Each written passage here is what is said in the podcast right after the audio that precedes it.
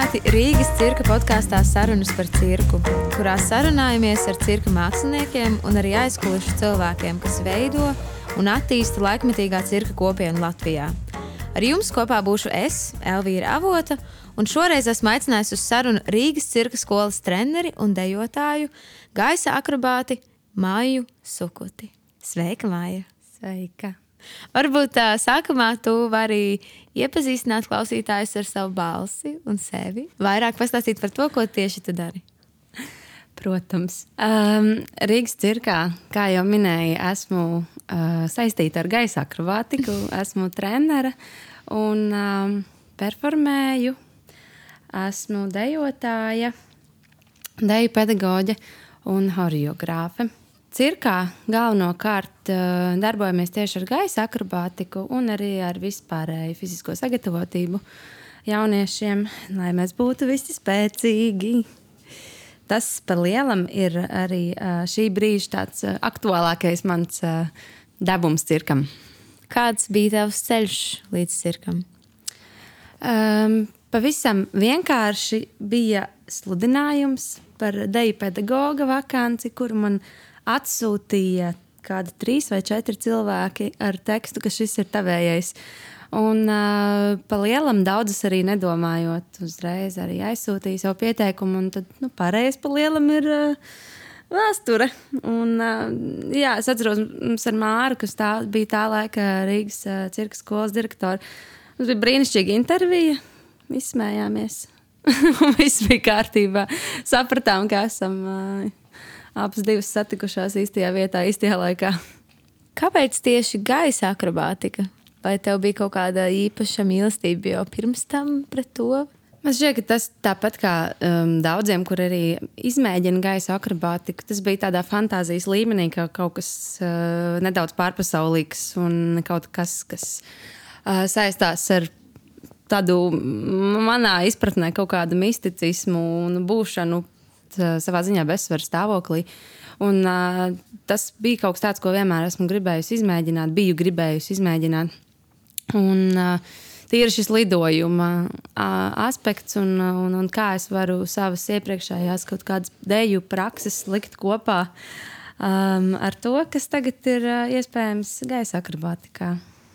Mm, es esmu dzirdējusi, un tu, ka tu esi minējusi, ka uh, tu vēl sevi nevēlies saukt par gaisa akrobāti kā mākslinieku, bet ka tu vēl esi procesā. Vai tas vēl tā ir, vai tu jau šobrīd tā kā stabili jūties, ka tu pārzini šo disciplīnu?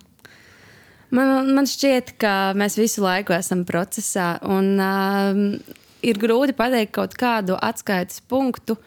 Uh, arī, par, arī par deju man šķiet, ka bija tas pats, ka bija jāpienāk kaut kādam tīri tādam mentālam punktam, fiziskā savienojumā, visā kopā, lai es varētu nosaukt sevi par dejotāju vai, vai šajā ziņā par gaisa akrobātu. Un, uh, man šķiet, ka tas ceļš ir tik plašs un tik liels, ka ir dienas, kad tu jūties kā viens cilvēks, un otrā dienā tu jūties atkal vairāk kā skolēns pats. Um, man šķiet, ka es. Uh, es esmu jau tur, bet man vēl ir ļoti daudz, kur augt. Un es esmu no tiem cilvēkiem, kas nekad, nekad neuzskatīs, ka, nu, jā, es esmu labākais, ko tad man vairs. Es uh, gribu būt uh, mūžīgais students, jo ir ļoti. Tik ļoti, ļoti daudz ko sevi ieguldīt un kā sevi attīstīt. Un, uh, man šķiet, tā ir lielākā kļūda, ka cilvēks uzskata, ka viņš visu zina. Tā ir principā tas jau aiziet viss atpakaļ gaitā vai uz leju. Tāpēc uh, jā, es esmu procesā, bet es esmu labā procesā priekš sevis. Uh, un es zinu, ka es jau esmu darbojos kā mākslinieks. Līdz ar to laikam jau to tā var nosaukt. Kā tu apgūsti šo disciplīnu? Jo Latvijā šobrīd īsti nav tādas tā kā, oficiālas mācību vietas, kurā var apgūt šo? O, oficiāls mācību vietas uh, nav. Ir studijas, kurās uh, tīri gaisa akrobātikas uh, ziņā pasniedz zīdu nodarbības, taču par trapeci um, tas laikam nebūs šis variants. Un, es apgūstu un apguvu visu pa lielam pati. Un esmu no tiem cilvēkiem, kas, um, ja kaut ko ieņem galvā, tad, nu, tad es pavadīšu daudzas stundas zālē. Un, lai tas varētu, tā teikt, tikt, uh, varētu sevi pilnībā attīstīt no visām pusēm šajā jaunajā praksē. Un, um, es esmu laikam arī, varētu teikt, no tiem cilvēkiem, kas um, visu dara īsi un intensīvi. Un es ļoti īsā laika periodā ļoti lielu apjomu arī sevi iespiedu iekšā, kas man palīdz uh, pašai arī gan kā, kā māksliniekam, gan kā pedagogam. Tāpēc es um, arī šis pats atkal atgriežamies pie tā, ka es uh, visu laiku mācos, un es arī tās savas uh, prasmes līdz ar to dodu tālāk citiem. Šīs epizodes uh, vadmotīvs mēs esam izvēlējušies viņu tieši runāt par deju un cirku. Jo tas ir tas, kas mums asociējās ar tevi, kad kā, kā, kā kustības cilvēku. Domājot par gaisa akrobātiku, tas ir, kā jau minēju, kaut kas tāds mazliet nereāls, ka tas cilvēks kļūst pār cilvēks. Viņam ir tādas tā putnveidīgas kaut kādas brīvības uh, zīmes, kas liekas ļoti aizraujošas. Un, um, kā tieši tavā pieredzē deja palīdz gaisa akrobātikai? Jo akrobātika kā sports ir arī kā sports. Nav kā gaisa. Nu, tā, tas ir kaut kas tāds specifisks. Starp. Tas, tas ir specifisks un kas var labi uh, viens otru papildināt. Uh, taču ar um, grīdas akrobātiku es pati nenodarbojos uh, dažādu traumu dēļ. Uh, tāpēc um, tas, ko es varu darīt, akrobātika, kas ir uh, teikt, nu, teikt, pielāgojama tam, ko ķermenis atļauj. Bet uh, par eh, gaisa akrobātiku runājot, um, dēļa ļoti, ļoti, ļoti, ļoti palīdz un ir vairāk kā nepieciešama, lai kļūtu par gaisa akrobātikas performāņu mākslinieku. Arī pati sākumā jūtu, cik ļoti palīdz pirmkārt jau tieši lokanība, izstieptība. Jo, ja arī spēks nav tik daudz, tad um, kaut vai tā pati um, spēja nostiept kājas, nedomājot par to papildus, bet kustība uzreiz paliek ļoti gara, kad tie kāju pirkstiņi ir nostiepti. Un uh, arī tie paši spagati, kas ļoti daudz, kur uh, arī gaisa akrobātikā kaut kādus elementus viņi padara pabeigtākus. Un, un, un šī kustība jau kļūst par tādu skatuviskāku baudām kaut kādu elementu nekā tad, ja ir spēks, bet nav uh, izstieptības. Jo arī savā praksē esmu novērojusi gan, gan, gan uz saviem uh, dēļu audzēkņiem, gan arī gaisa akrobātikas audzēkņiem, ka spēku ir daudz vieglāk uztrenēt nekā to lokanības pusi. Tāpēc uh, tas viennozīmīgi ļoti palīdz. Loģiski arī dēļu žanri ir dažādi. Un, uh, cilvēks, kas nāk no kāda uh, nezinu, no, no, no, no vairāk no ielu deju stiliem, nevienmēr tur primārais ir bijusi lokanība. Es runāju šajā ziņā tieši arī par, par baleta šo bāzi, kas, kur visi pamatā tomēr ir um, plastika. Ļoti daudz spēks un plastika apvienojot. Un, uh, lielam um, ir ļoti nozīmīgi arī no dēļas gaisa akrobātikā tieši šie kustību pārēju elementi, jo tikai tehnisks izpildījums dažādām atsevišķām nesasaistītām kustībām gaisā esot, tas izskatās kā fiziskais treniņš, taču, lai tas izskatītos jau kā performance vai uh, kaut kas, kam iekšā ir vairāk dvēselīti ielikt, tad šeit nāk tas dēļas elements. Tas ir tas, kas salipina visu kopā. Tas ir pārējais no kustības uz kustību. Tas ir tieši es arī savām meitenēm vienmēr to saku, ka tā ir tā emocionālā puse, kas tiek pielikta klāt. Un loģiski, to emociju tikai sejā nenolasīs uzreiz vienmēr. Un, uh, ir ļoti svarīgi, kas notiek ar tavu ķermeni.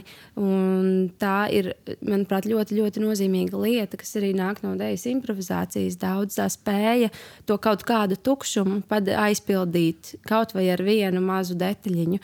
Bet uh, ir uzreiz redzams, ka tas nav vienkārši uh, tāda dragāšana no vienas, viena elementa uz otru.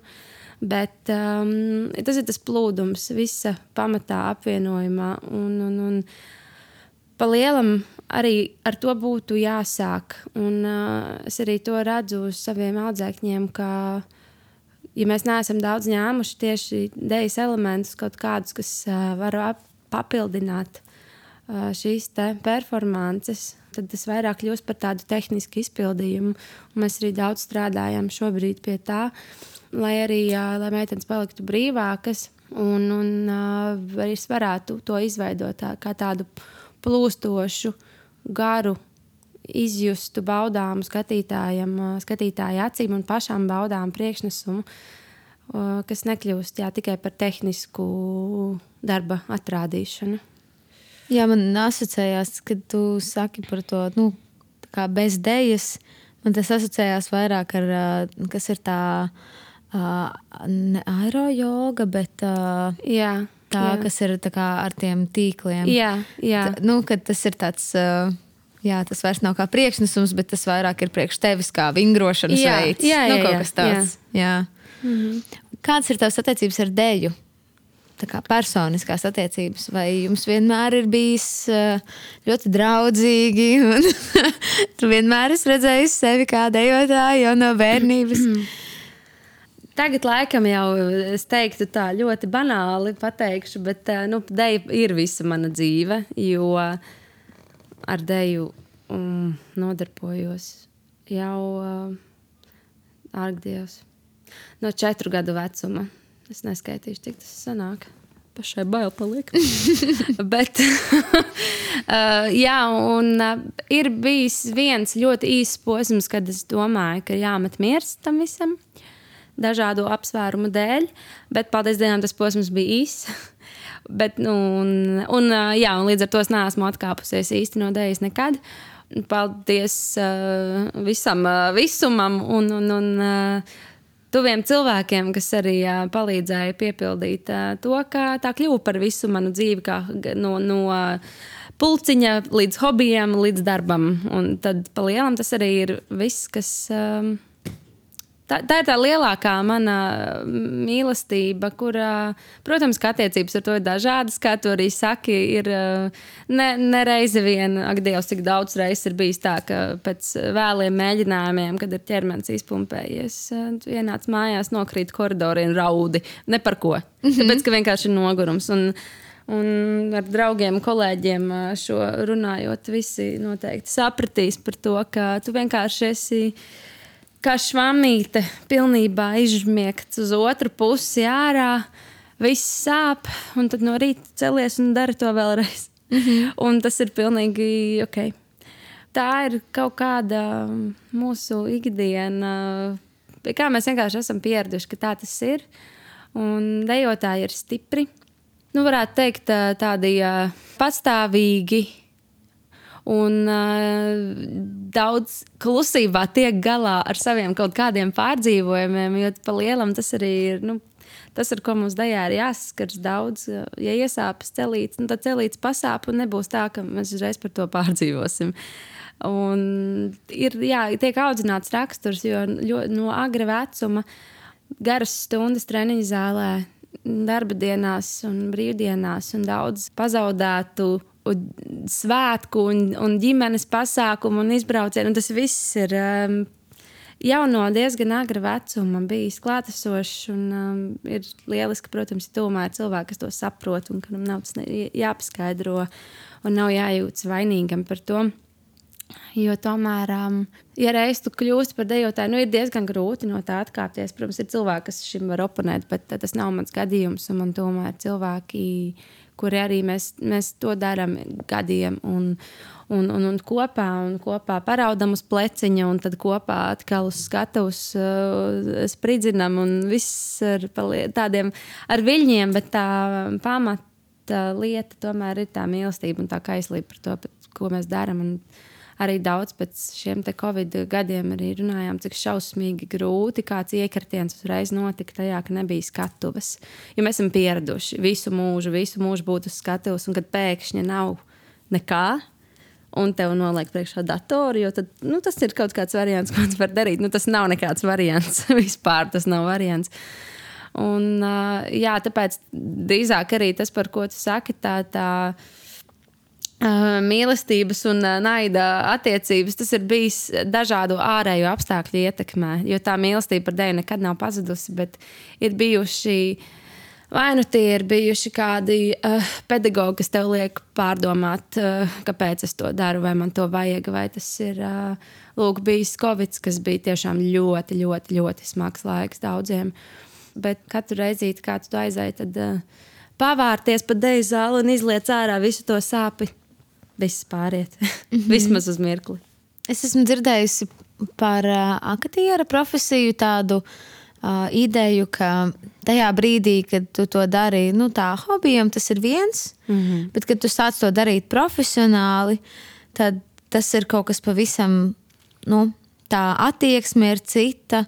Tā, tā emocionālā stabilitāte. Mm -hmm. nu, tev jāmācās nošķirt sevi no tās profesijas. Tas tas ļoti grūts process, ir to iemācīties. Jā. Vai arī tad, kad tu kaut kā pieņēmi šo lēmumu, uh, atdot uh, savu dzīvi šim kaut kādā ziņā, nu, vismaz uz kaut kādu noteiktu laiku, vai tu jūti kaut kādas pārmaiņas tajā, kā tu redzēji ideju?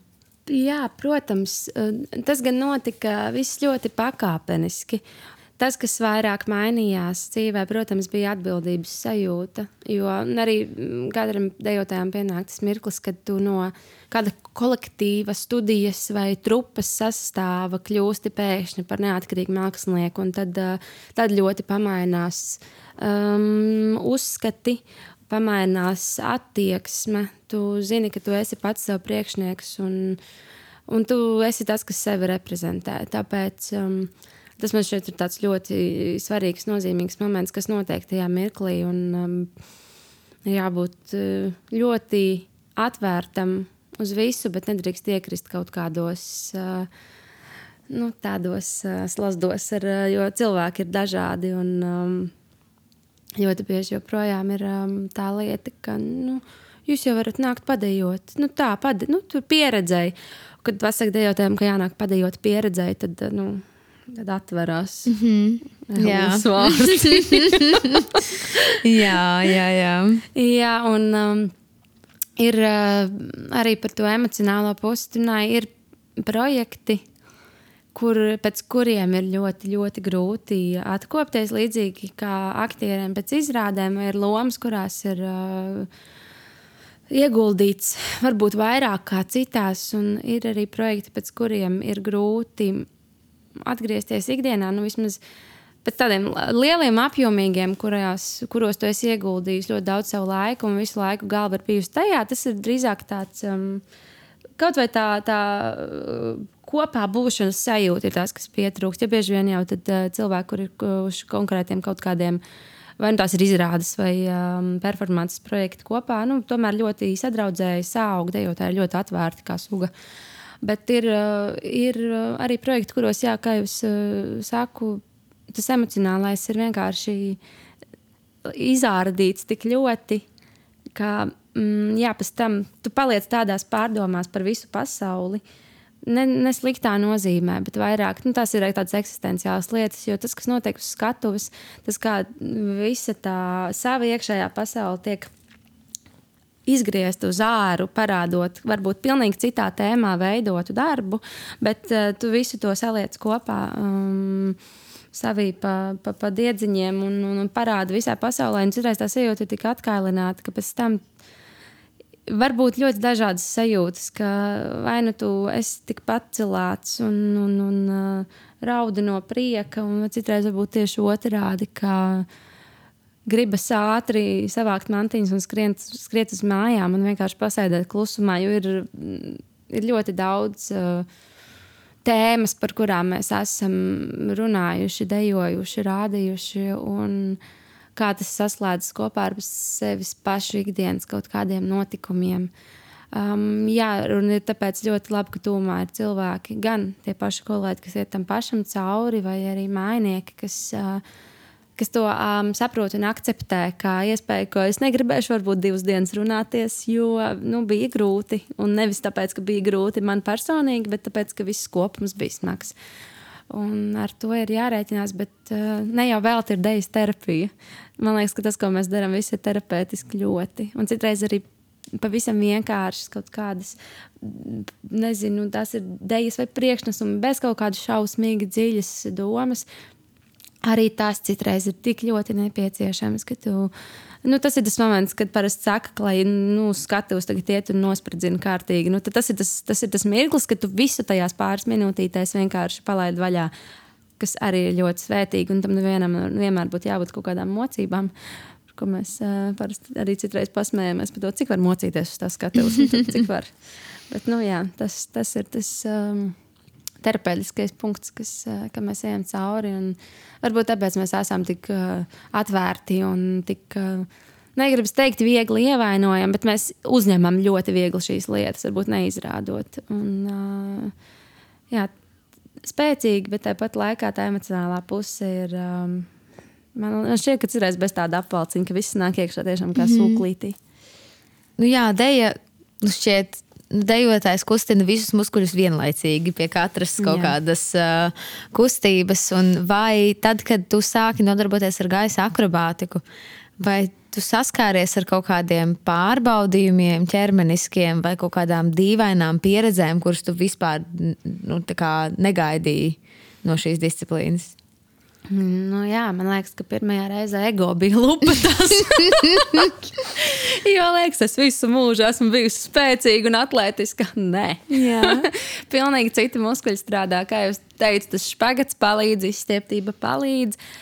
Ātra lietu izpratne un kā uzķert kaut kādu tehniku palīdz, bet um, rokas ir uh, nu, nemelošu lupatās.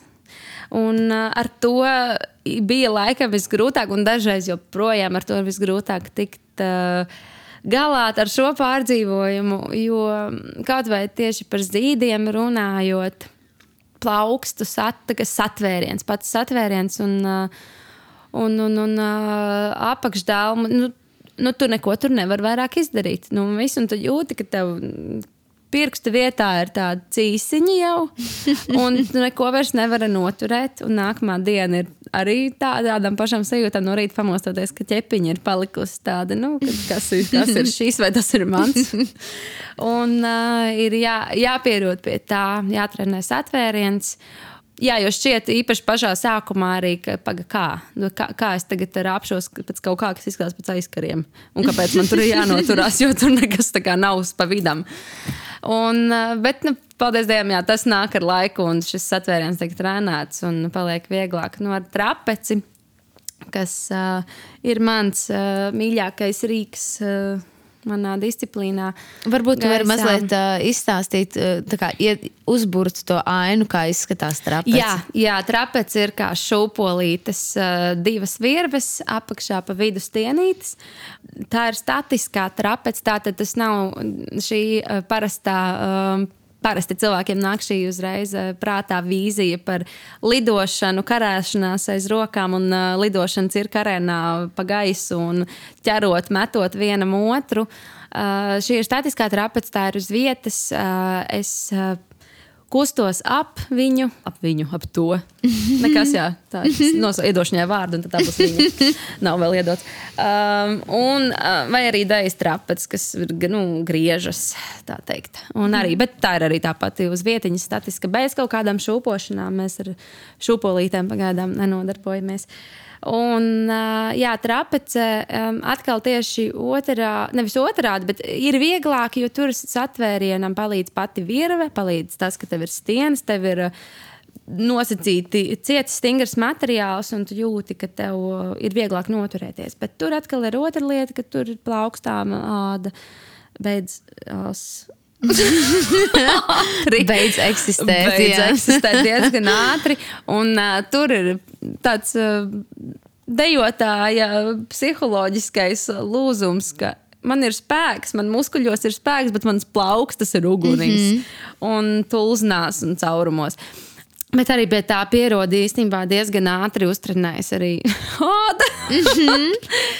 bet jā, tas bija pats grūtākais, laikam, saprast par to, ka ne jau es tagad noteikšu to, kā mans ķermenis jūtas. Izrādās, ka tas rīks ir spēcīgāks mm -hmm. vienā vai otrā mirklī. Un, garas treniņu stundas arī nevienmēr ir iespējams. Īpaši kaut kādi jauni elementi tiek mēģināti. Uh, kur atkal ir nedaudz cits atvēriens, plauksta nedaudz citā vietiņā, vai ne jau tikai plauksta. Tur tas ļoti jocīgās vietas, kurās ir ziluma, kuras sāp, kas ceļo aizmugures un klēpis izskatās. Citreiz, kas būtu turējusi klēpī ļoti smagu un dusmīgu kaķi, un viss, nu, vienkārši viss ir zilumos. Un, uh, pie šīm lietām ir jāpierod, bet es sāpes ļoti labi izturu. Man tas ir tā, nu, otršķirīgi, un zinu, nākamajā dienā tās plaukstas gandrīz jau būs ok. Un, uh, bet tas laikam ir arī. Uh, studentiem, uh, maniem skolēniem, uh, tas uh, pirmais pārdzīvojums par to, ka tā sāpēs, tā visu laiku sāpēs, bet nesāp. Jo pa lielam, ļoti liela šī sāpju daļa ir tieši tajā, ka mēs nezinām, kas notiks. Tā pirmā sāpe var būt citreiz tik liela, un man šķiet, ir svarīgi par to runāt, jo īpaši par zīdiem, kas izskatās tik skaisti un vijīgi un graciozi, nu sāp. Un sāp, jo tie notiek eh, kaut kādas vīšanās, pīšanās ap kājām, ap vidukli un uh, spiešanās kaut kur uh, tā, tā vilkmes sajūta. Nu, viņa nav patīkama, bet viņa nav patīkama sākumā, jo mēs nezinām, kas notiks, un ķermenis nav pieredzējis. Ne muskuļu atmiņā, ne parastajā atmiņā nav īsti šīs izpratnes par to, kas tad būs, kā, kā es jutīšos. Īpaši, kad mēs mācāmies kaut kādus kritienus. Uh, uh, kritieni. Tātad ir šīs te, uh, dažādas iesiešanās tehnikas zīdos augšā, un tad rociņas vaļā, tad mēs vai nu tādā kā kūlenī no augšas, vai tādā salto sajūtā uz priekšu vai aizmuguri dažādi virpinamies vaļā. Nu, tas fināla moments vienmēr ir šī papildus savilkšanās zīdam vai no ap kāju, vai ap vidiņu, vai, vai, vai kur citur. Pierast pie tā, uh, laikam ir tas pats grūtākais vienkārši sākumā. Un, Un, un, un nevēlties vienmēr arī, kad es trenējos, daudz filmēju sevi, lai saprastu uh, elementā, ko es varu uzlabot, kas nogāja nepareizi.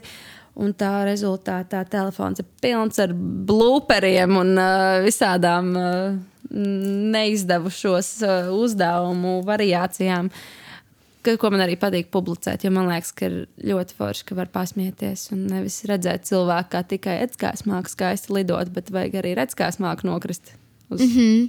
muguras. Man liekas ļoti jauka tā doma, ko tu mini, ka tas brīdis, kad jāklausās ar ķermeni, nu, tu vari ar prātu gribēt un, un, un kā, turpināt maukt uz priekšu, bet īstenībā vienkārši ir nu, jāiet tur pauze. Un, kad, nav, nav vērts uh, tos ilgos mēģinājumus turēt. Un nav, es nav, pati jā. esmu gājusi jā. cauri šādām uh, sajūtām uh, mūzikas skolā, ka tu tās klavieres, tev rokas krampjos ir un tu uz viņām skaties un tu kliedz viņām virsū. Mm -hmm. Tu mhm. vienkārši tā kā, nu, nu, kā jūs nevarat atslābināties? Nu, es taču tikai gāmas spēlēju, bet viņas ir tā kā tādi grābekļi vienkārši. Liekas, kopumā tāda, man liekas, tāda jauna cilvēka īpašība spiest sevi līdz maksimumam kaut kā un sūkt no sevis ārā to. Jā, es, es domāju, ka tas arī, nu, protams, vairāk tas ir kaut kāds jaunības maksimālisms droši vien, bet tāpat laikā. Nu, es vairs varbūt sevi nepieskaitu pie tā gala. Bet uh, es pati, nu, es pēc sava rakstura zinu, ka es iešu tik ļoti līdz pēdējam uh, jo man liekas, ka es varu. Un, bet to gan es esmu iemācījusies pa gadiem arī saprast. Nevarētu gan tā teikt vienmēr. Bet to mirklīti, kad es arī jūtu īpaši šī treniņa beigās, ka nu, vairs nebūs, vairs, vairs nevelk rokas, vairs, vairs nav īsti tādas, nu, vairs nav skaidra prāta, jo tu esi pārgurs un tu esi sabāzis sevī vienkārši šausmīgu informācijas apjomu. Uh, Un uh, tad bieži vien ar to ideju, ka nu, vēl vienu reizi, nu, vēl, nu, man neizdevās iepriekš, bet es pamēģināšu vēlreiz. Vai, vai arī ši, ši, man dienas plānā bija vēl šis, un es vēl neesmu to izdarījusi.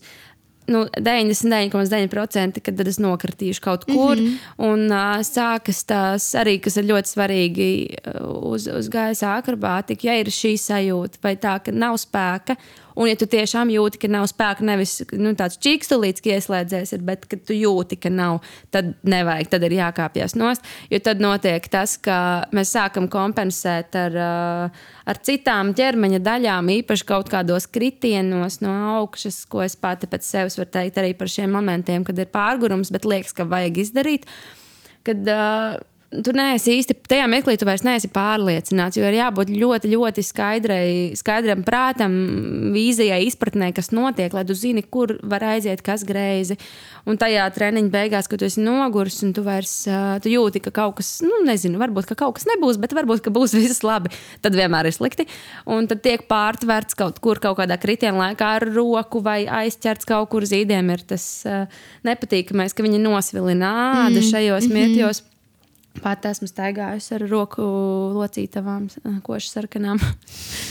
un, uh, jā, un, uh, bet tas, tas galvenokārt viss ir tikai ta, tajos mirkļos bijis, ja godīgi, kad uh, liekas, ka vajag, bet uh, bet kā prāts saprot, ka nebūs. Jābūt gudram, ir jābūt šausmīgi gudram un atbildīgam un par lielam visās šajās cirka disciplīnās, kur nu, mēs riskējam ar lietām. Teikšu, atklāti, mēs esam augstu. Un, uh, lai izpildītu visu, kā tas ir uh, nepieciešams, piekaras sistēmas nevienmēr kaut kādas tiek liktas klāt, jo tas ierobežo. Un ir jābūt ļoti gudram un ļoti prātīgam. Un, uh, tāpēc es arī ļoti vienmēr skatos uz saviem audzēkņiem. Um, tieši par šo uzticības faktoru, lai es zinu, ka nebūs tajā mirklī, ka, ui, man nesanāk, un visas četras ir vaļā. Un tur ir jābūt ļoti piesaistītam tam, ko tu dari. Un, jā, nedrīkst būt viegliprātīgs. Tas, ja tas var būt pieļaujams kaut kur citur, ja dejojot loģiski, ja tu viens kusties pa zāli, nu, liela iespējamība tomēr, ka viss būs kārtībā, nu, mm -hmm. neieskries galva radiatorā, kas ir iespējams, protams. Bet jā, šeit ir jābūt ļoti, ļoti tādam ar pietāti pret savu disciplīnu un uh, ātri jākļūst pieaugušam tieši šajā konkrētajā nodarbības laikā un uh, atbildīgam pavisam noteikti. Kā tu redzi, kādu, kādu vietu ieņem dēļa vispār laikmetīgajā cirkā? Varbūt tās tev ir kaut kāds radies salīdzinājums starp varbūt tradicionālā cirka un laikmetīgo cirku, kā tā dēļas loma ir uh, mainījusies? Man šķiet, ka dēļa ir, kā jau es arī iepriekš par gaisa akrobātiku teicu, ka tā ir tāda. Tas ir kā tāds pastiprinājums, un, bet negribas varbūt teikt, kā pastiprinājums. Man šķiet, ka tā ir pat kā, tā varētu būt kā tā bāzes lieta, kas uh, visu savēl kopā. Un, uh, man šķiet, tas arī ir visraksturīgākais uh, laikmatīgiem cirkam, ka uh, par lielam, jo tas, ko dara ķermenis, tas vairs nav tikai ikdienas kustība, plus es tagad esmu akrobāts vai, vai, vai uh, kādas citas disciplīnas pārstāvis. Tas vidiņš visur tiek aizpildīts ļoti organiski, ļoti plūstoši, un tā ir tā dēļas sadaļa, kas man šķiet, ka tas ir tas, kas visu padara tādu skatuviski baudāmu. Un tāpēc uh, jā, es uh, saviem audzēkņiem arī saku, ka nav. Uh, Neviens ne, nevēlēsies un nebūs piesaistīts priekšnesumam, kurā ir tikai triki, triki, triki. Jo triki vienā mirklī kļūst par daudz. Skatītājiem no malas viņš uh, nogurst no tā, ko viņš redz. Viņam ir nepieciešama tas, tas laiciņš, tas mirklis, kad uh, spēt padzīvot līdz tam, ko viņš redz. Un, uh, tāpēc arī performācija ir svarīga, lai ir ir kaut kāda šī struktūra, ir, ir jādod šo laiku, um, lai būtu iespēja uzelpot gan pašam, gan arī no malas vērotājiem. Un man šķiet, ka tas ir tas, tas momentiņš, kas arī ir šī ideja. Jā, viņš tā kā tāda. Um, līmīte. Tāda līmīte, jā, starp visu kopā ir. Vai tev ir gadījies kādreiz sastapties ar kādu mākslas veidu, kas varbūt nu, pat nav cirks, bet, piemēram, teātris, kino vai kaut kas tamlīdzīgs, kur tu esi negaidīti sastapusies ar akrobātiku? Pa lielam es esmu tik ļoti pieradusi pie tā, ka tā ir mana ikdiena, kas to neievēroja kā kaut ko tādu uh, mm -hmm. āršķirīgu. Bet kas man pirmais arī nāk prātā, ir, es neskatos šausmu filmas. Es kādreiz, kad es biju mazāk, protams, caur pirkstiem, mm -hmm. nu, tā, nu, datora ekrānā samazināju mazāko un caur pirkstiem skatījos kaut kādu apli. Tas, kā šie te kaut kādi, tie, kas nav arī kaut kādi CGI briesmoņi ar. Uh, Nezinu, ar, ar gaļotainām sejām mm -hmm. un tā. Bet tie, kas ir drīzāk ķermeniski, um, arī kaut vai tas pats bija tā filma, Japāņu filma. Uh, Latvijas man šķiet, ka viņa bija Niknuma varā, kas bija šausmīgākais, ko es esmu redzējis savā mūžā. Bet, uh, un, uh, tur bija tas, uh, tas, tas meitenītes tēls, tas, tas briesmonītis nosacītais. Uh, dēmons mājas, kas līda pa trepēm lejā. Un tas, kā tas cilvēks kustas tajā mirklī, tas, tas nav vienkārši aktieris. Tu redz, ka tas ir vai nu tas ir akrobāts, vai nu tas ir dejotājs. Bet, uh, jebkurā gadījumā, šajās tieši šie šausmu tēli, kuri nav kaut kādā veidā modificēti datorā, pārveidoti, pa lielam ļoti bieži arī ir, ir no akrobātikas puses. Un, um, jā, kaut kādi šie kontorsionisti, es uh, nezināšu, kā latviešu. Uh, latviešu tos, uh, nu jā, žargonā tos sauc par klišņikiem. Nu jā, jā. Bet, uh, nu vienādi sakot, cilvēki var izgriezt, izgriezt uz visām gumijas, pusēm. Jā. Cilvēki gumijas, jā, kas spēj lāpstiņas tur izgriezt uz otru pusi un rokas tu apsiet sev apkārt mezgliņā. Uh, Un, jā, jo tas ir no malas skatoties, vienmēr nedaudz baisi. Jo man liekas, ka nu, es turos kopā tā, kā es turos kopā. Kā tu turies kopā? Jā, tas skatoties. ir kaut kas tāds pilnīgi ne, ne, ne tāds tipiski cilvēcisks. Jā, jā un tad šis ir tas moments arī, jā, ko var tīri tādā šausmu žanrā izmantot. Tagad daudzi ne tikai dēļu žanri saplūst kopā, bet arī tādas skatuviskās, tīri no performances puses tiek ļoti daudz kas likts um, viena vieta, un cilvēki ir attīstījuši sevi gan fiziski, gan, gan, gan arī uh, emocionāli uz visām pusēm. Un ļoti daudzas performances kļūst par tādām. Um, multifunkcionālām kaut kādām pieredzēm, kur iekšā ir no visa kā pa bišķītim. Un, uh, manuprāt, tas ir ļoti uh, saistoši gan pašiem māksliniekiem, gan, gan arī skatītājiem no malas. Jo tas ir tas mirklis, kad nekad nevarēsi zināt, ko tu galu galā saņem pēc šīs pieredzes. Kā jau es minēju iepriekš, tu esi arī Rīgas cirka skolas trenere. Mm -hmm. Vai tu vari pastāstīt mazliet vairāk, ko tieši tu pasniedz un kādām vecuma grupām? Es pasniedzu uh, gaisa akrobātiku uh, jauniešu grupām. Tās man būtu grupiņas no, sanāk, no 11 gadu vecuma. Un, uh, līdz 18 arī ir mūsu vecākie audzēkņi.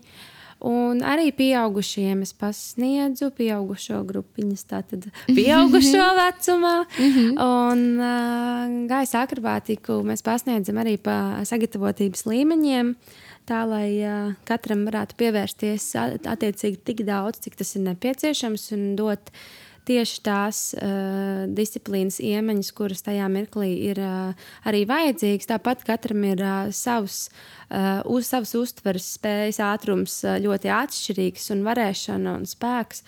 Uh, tāpēc tomēr šī pieeja sanāk diezgan individuāla. Uh, arī uh, tāpat laikā mēs um, arī paralēli darbojamies gan ar zīdiem, gan ar trapecēm. Un tomēr katrs ir izvēlējies to savu disciplīnu jau uzreiz. Um, pa lielam, kas piesaistīja pirmais, tas arī es redzu, ka cilvēks viņam acīs liekas, kā tas īstais, un arī tā aizraušanās, tā teikt, aug, augumā. Vēl pasniedzu arī uh, vispārējā mhm. fiziskā mm -hmm. sagatavotība. Šie bija tie trīs vārdi, ko es tikko aizmirsu. Tas ir kaut kas, kas šķietami ir pilnīgi neaizvietojams. Uh, jā, akrobātikā. Jā, jā. Tas bija tas, ko man, um, ka es pati vēlējos nu, pieteikties cirka skolē uz pieaugušo grupu. Tad man teica, Nu, tagad varbūt tās neskrien, labāk ej, patrenējies, uzkrāj spēkus un mēģini nākamgad.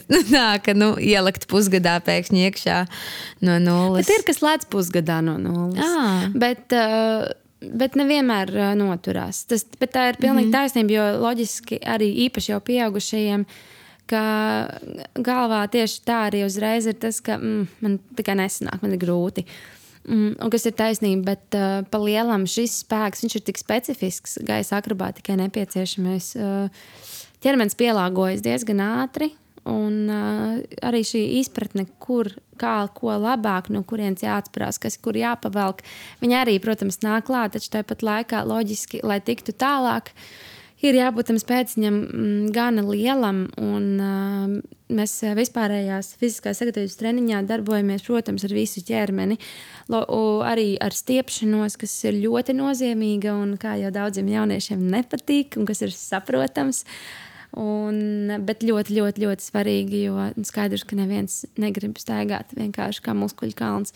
Bet nespēt līdz ar to performēt šajā. Es runāju tieši par cirkus, ne par to, ka ir cilvēki, kas staigā tā. Bet, Jā, bet es arī esmu dzirdējusi par cirka māksliniekiem, akrobātiem, kas pirms tam ir bijuši sportisti. Jā.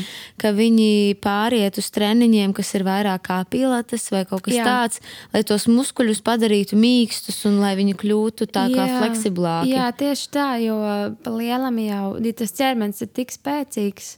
Tev ir nepieciešams gan to muskulīti pastiept, tieši tā, lai tev arī saites padodas, lai, lai nav tā, ka tas ir tikai tīri uz, uz kaut kādu lietu izspiešanu, pievilkšanu, bet uh, lai tas ķermenis ir attīstījies uh, visos virzienos.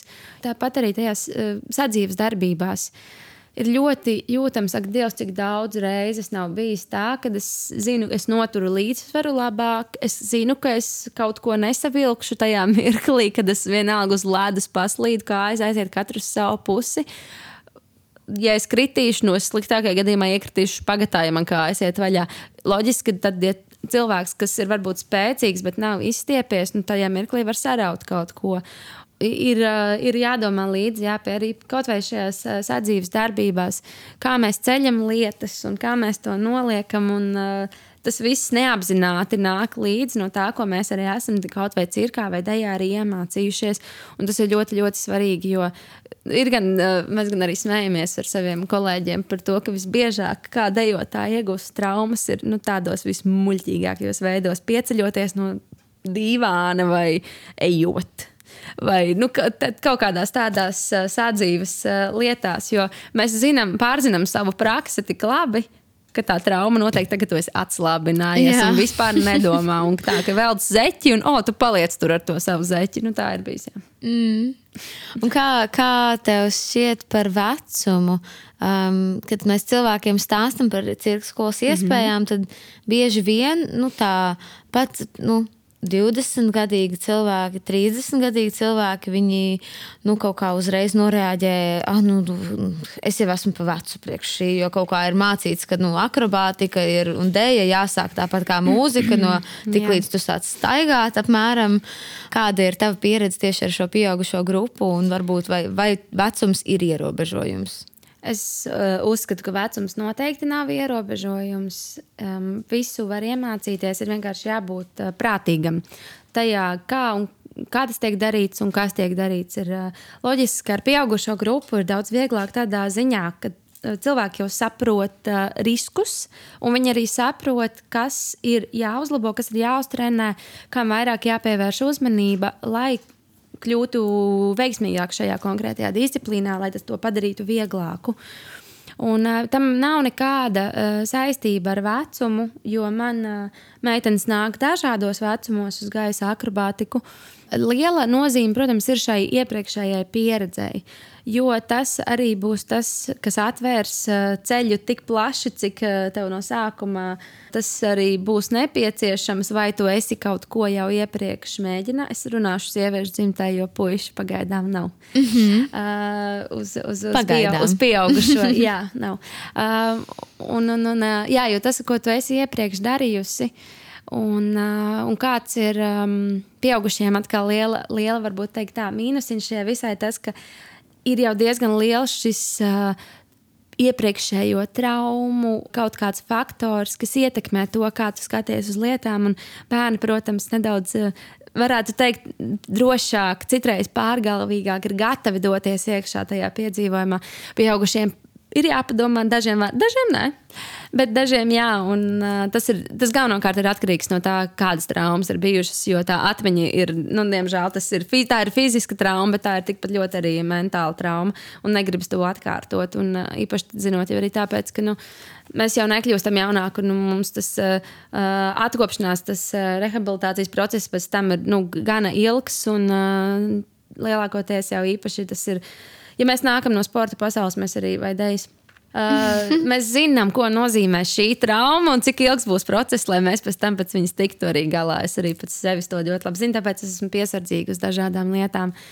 Un, uh, jā, tāpēc. Um, Pa lielam šī te, uh, vecuma uh, kaut kāda limita nav, bet ir jābūt, uh, kā jau arī mazajiem, tas pats ir jābūt vienkārši atbildīgam un jāsaprot, uh, ko tas nozīmēs. Ko tas nozīmēs un uh, kas, kas var notikt. Tādas pavisam vienkāršas lietas, bet uh, arī uh, nāk meitenes pie manis, kas. Uh, kas nav ar šo nekad iepriekš nodarbojušās, ir darījušas pilnīgi citas lietas, un, un brīnišķīgi viss izdodas. Un, ir arī uh, tā maģiskā lieta, ko, ko mums piedzimstot, arī kas mums ir dots, kā, vai, vai kādam tā ir ārkārtīga lokanība, vai, vai spēja ātri mācīties lietas, tas, tas viss nāk katram kā tāds foršs bonusiņš klāt. Līdz ar to tur nav nekādas saistības ar vecumu.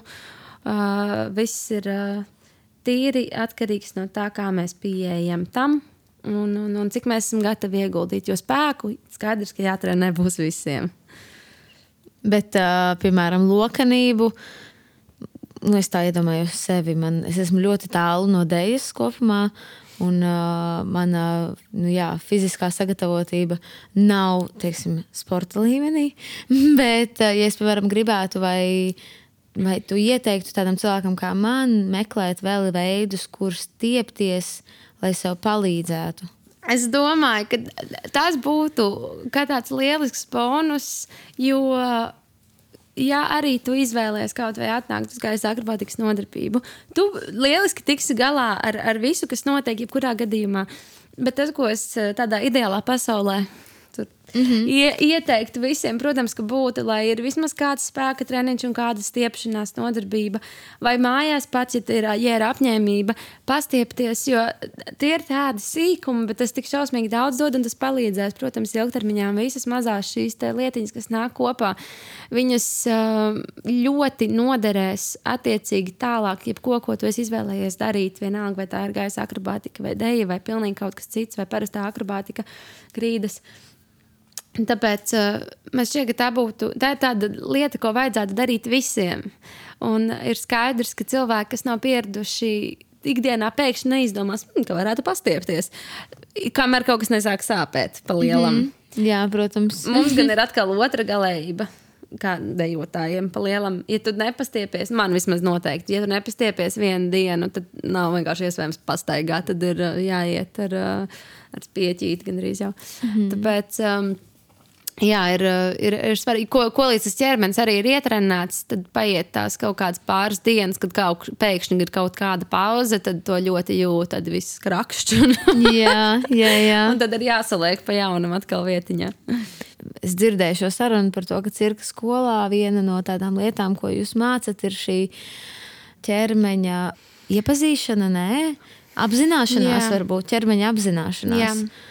Un man liekas, ka tas ir brīnišķīgi, jo tas ir kaut kas, kas nu, es no savas pieredzes zinu, ka, nu, nu, ja ir sports, tad ir sports. Nu, kā, bet nav tā, ka, man, ka manā uztverē man tā kustēšanās liktos kā tāda dabīga, oh, es gribu izkustēties. Mm -hmm ka, ka tas ir kaut kas, ko, ko man ir jāieplāno, jāiet uz sporta zāli trīs reizes nedēļā vai uz treniņiem. Nu, tas nav kaut kas tāds, ko es pati varētu darīt. Jā. Nu, ja es to daru mājās, es to, protams, daru ar YouTube. Jā? Nu, kā, jā, jā. ar kaut kādām instrukcijām, ka man liekas brīnišķīgi, ka nu, jūs mācat, ka var arī pats vienkārši iepazīt ķermeni. Jā, jā, un tas arī ir ļoti svarīgi, jo lai, lai nebūtu tā, ka, piemēram, Kāda nu, arī tagad, kā bija Covid laikā, tie apstākļi bija dažādi. Un, diemžēl arī mana disciplīna bija tāda, ka nu, mēs mājās, diemžēl, nekādīgi nu, nevarējām mm -hmm. to mhm. darīt. Ir gan jau, daži jaunieši, kuriem mājās ir zīdi nopirkti, kuriem šis ir tiešām ļoti sirsniņā iekrits.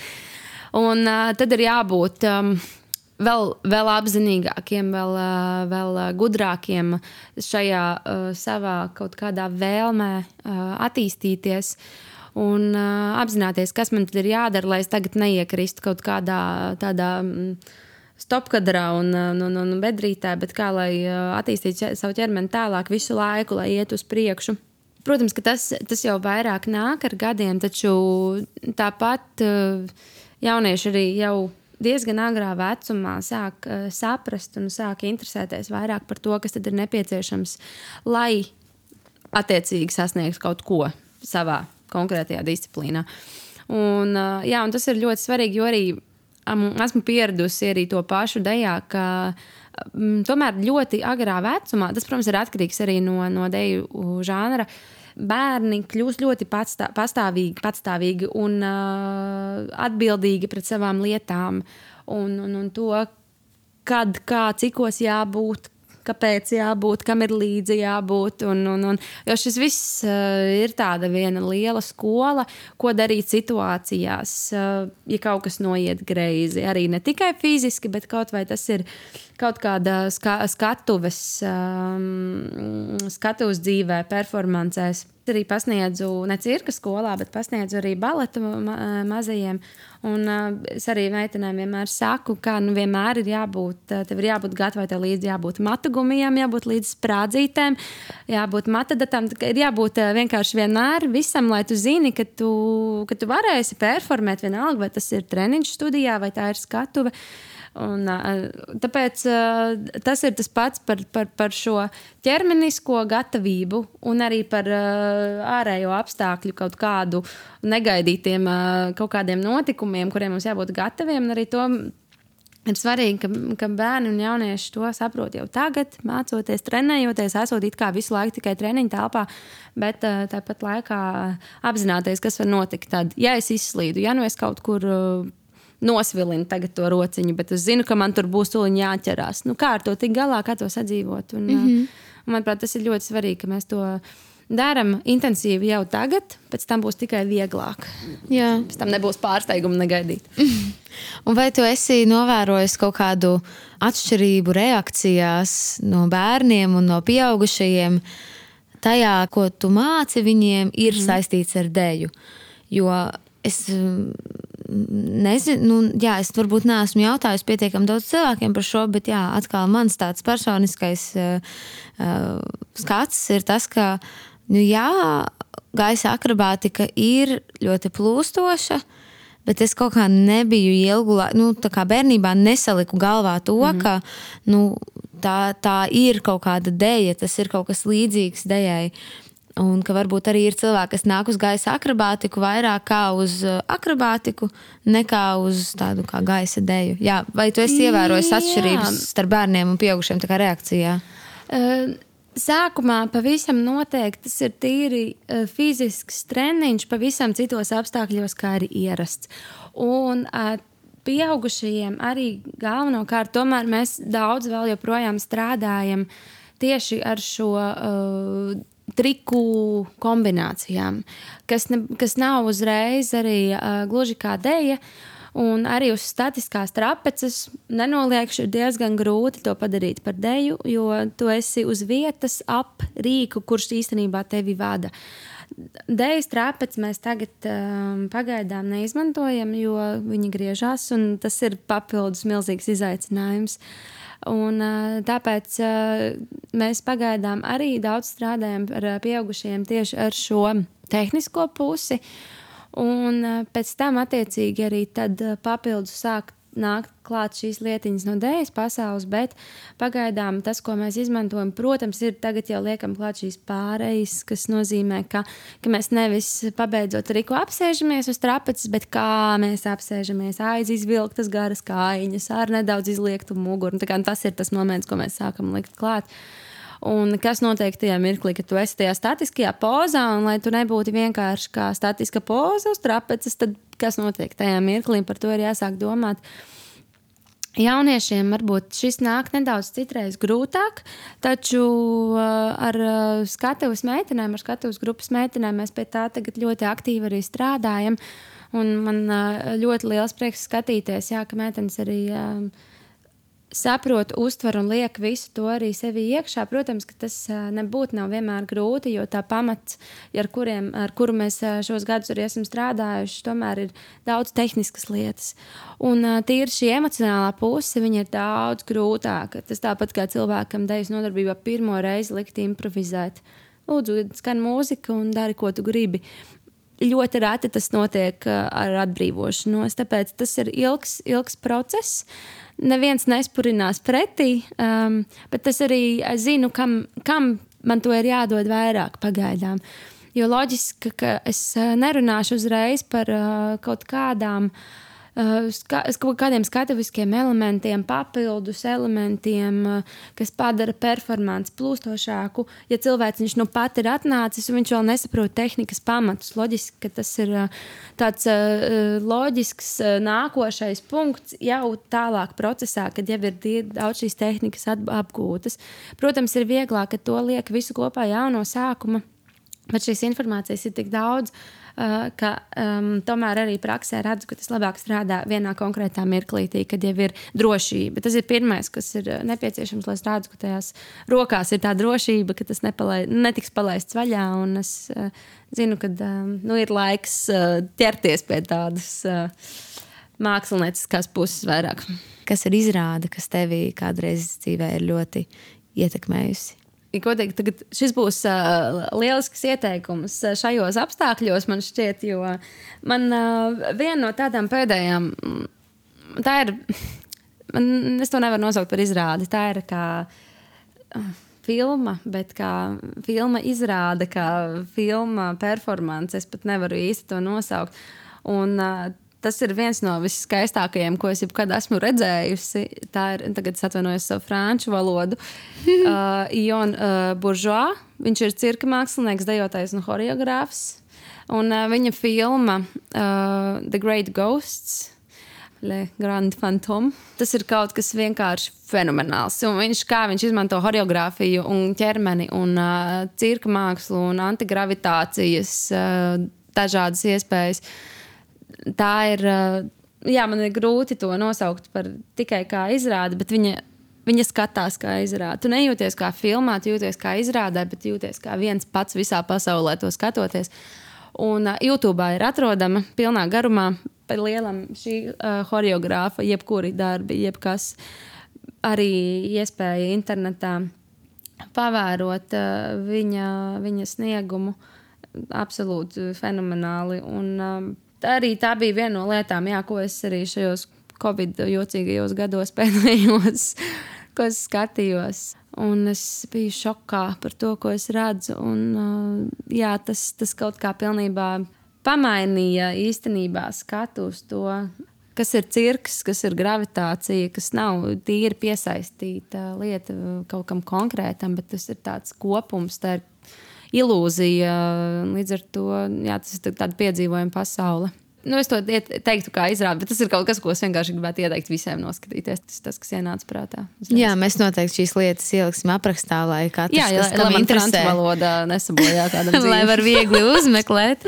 jā, varbūt tās ir kāds cits mākslas mēdījis, kāda grāmata vai, vai mākslas darbs vai vizuālās mākslas darbs, kas nav cirks, mm -hmm. bet kas ir par šo tēmu, kas tevi ir uzrunājis un ļāvis atklāt kaut kādu jaunu virzienu?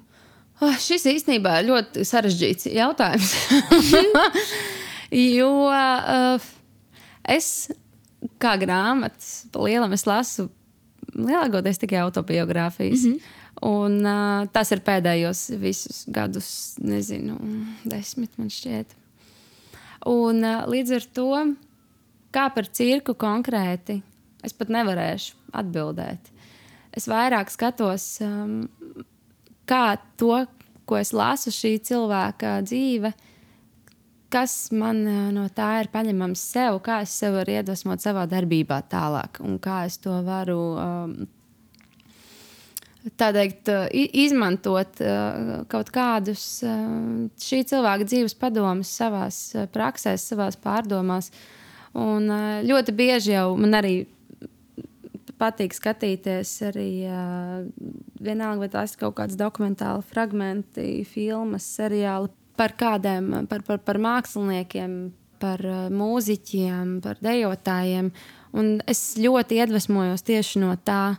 Un negluži nevarētu atbildēt uzreiz par cirku, bet daudz, protams, ir par dēļu. Jo tas, tas ir uh, kaut kas, ko es uh, tā līdz sirds dziļumiem, kam es varu izdzīvot līdzi. Arī uh, lielisks sērijas Netflixā saucas Move par dažas sērijas par atsevišķiem dejotājiem, par to, kā viņi lauž kaut kādus stereotipus. Uh, savā deju, deju žanrā. Arī skatoties, ne tīri tā, ka, oh, smuki dejo, bet um, tas cilvēks iet pāri ļoti, ļoti, ļoti daudz kam. Un, un, un, un tiek galā ar ļoti uh, specifiskām, sarežģītām lietām, izaicinājumiem, kurus bieži vien paši sev arī uzliek. Un tas ir tas, ko es visvairāk arī skatos un kas man visvairāk iedvesmo. Jā, tas laikam arī būs. Un vai tas... tev ir kāda uh, cita cirka disciplīna, ko tu vēlētos kā dzīvē pamēģināt ārpus gaisa akrobātikas? Nu, grīdas akrobātika ir vienmēr mani saistījusi un gājusi roku rokā ar dēļu, bet, kā jau es teicu, man ir man ir šī traumātiskā pieredze ne no, ne no grīdas akrobātikas, bet uh, kā, kā vienkārši kā dejotājai. Un līdz ar to es zinu, ka daudzas lietas es, uh, um, man būs. Uh, Vai nu tas ir psiholoģisks bloks, to mēģināt, bet es arī zinu savu ķermeni gan labi par šiem gadiem, kas uh, tas laikam vairs nebūs man. Uh, Un, uh, bet es ļoti labprātīgi novērtēju, skatos, kā to dara mani kolēģi un audzēkņi. Un priecājos par to, ka, ko ķermenis ir spējīgs. Bet, protams, ka tas nav izslēgts, ka tas kādreiz var notikt. Un, daudz, kā jau iepriekš teicu, nu, grūtākās lietas ir psiholoģiski tikt galā ar kaut kādām. Um, Traumiņām, sāpītēm, kas pirms tam ir bijušas. Un vai tev ir kāda, kaut kāds veids, kā tu atpūties no cirka un no dēļas? Vai tas ir gan tavs darbs, gan hobijs? Gan... Nu, tā sanāk, ka tas ir gan darbs, gan hobijs. Un tās atpūtas, mirkļi ir īstenībā maz, bet es, man ir grūti pat tā pateikt, ka man vajadzētu no tā šausmīgi atpūsties. Protams, ka ķermenis nogurst un ir dienas, kad. Um, gribas stāvēt uh, istabas vidū vai zāles vidū un vienkārši raudāt, jo viss sāp. Bet tas ir uh, moments, tas ir tāds mirklītis. Pa lielām, kā es labāk atpūšos, man uh, es vislabāk atpūšos īstenībā mājas mieriņā. Un, uh, kādreiz tas bija vairāk cilvēkos. Man ļoti patīk, protams, būt cilvēkos. Es esmu kārtīgs pilsētnieks, man patīk muģeklis, kas tur notiek ārā. Un, uh, bet ar Covid viss arī nedaudz pamainījās. Es ļoti novērtēju to mājas mieriņu ar sunīti un kaķīti. Un, un, un, un, uh, jā, vienkārši atpūsties kaut kādā klusumā ar, ar grāmatu vai ar kādu filmu. Un, uh, Tas ir laikam tas, tas mirklis, jā, jo tas fiziskais um, ir tik spēcīgi, visu laiku tiek darbināts, ka gribas pilnīgi miera citreiz. Un, citreiz ir bijis, pat vēl nesen bija arī uh, pasākumiņš, kad uh, to atnāc kā uz ballīti ciemos, bet tu esi tik saguris, ka tu sēdi maliņā un tev liekas, tu taču esi dejotājs. Vai tu tiešām? Jā. Nu, nevar vairs. Ir citreiz tiešām brīvos brīžos grūti pakustēties. Jā, un gribas vienkārši pasēdēt mierīgi. un tad noslēgumā ar tādu mazliet skatu uz priekšu. Um, es vēlos te jautāt, jā, kas ir tas, ko tu gribētu redzēt nākotnes Latvijas cirkā? Galvenais jau gribas, lai mūsu cirka mājas ir atkal uh, spožas, spīdīgas un gatavas, un lai mēs tur varam darboties. Um, gribas, grib, gribas, lai mums top tā trupa, lai tie jaunie aug, lai trenējas, attīsta sevi un veido tiešām šo Latvijas cirka nākotni. Jo es redzu ļoti lielu potenciālu, spēcīgus uh, apzinīgus, radošus eh, jauniešus. Es ceru, ka viņi arī šeit um, paliks tajā, ko viņi dara. Un, uh, jā, tas laikam ir tas, tas galvenais, kas vēlos, lai uh, mūsu tā komūna aug plašumā, lai mums ir savi mākslinieki, lai mums ir savas izrādes. Protams, ka lai, kad, kad uh, cirks arī gatavs, lai mums vairāk nāk un brauc vēl pie mums, un mums ir iespēja plašāka, lielāka uz šo komunikāciju. Un, uh, lai gan mēs, gan, gan, gan jaunais gals tiek iesaistīts šajā visā iekšā. Un, Mācās un uh, apzina visu, kas notiek. Man, um, tā jau man šķiet, ka um, mēs ejam ļoti uh, enerģiski uz to, un mūsu komanda ir lieliska, un gan cirka, gan skolas. Un, Es domāju, ka tu vari piekrist. Jā,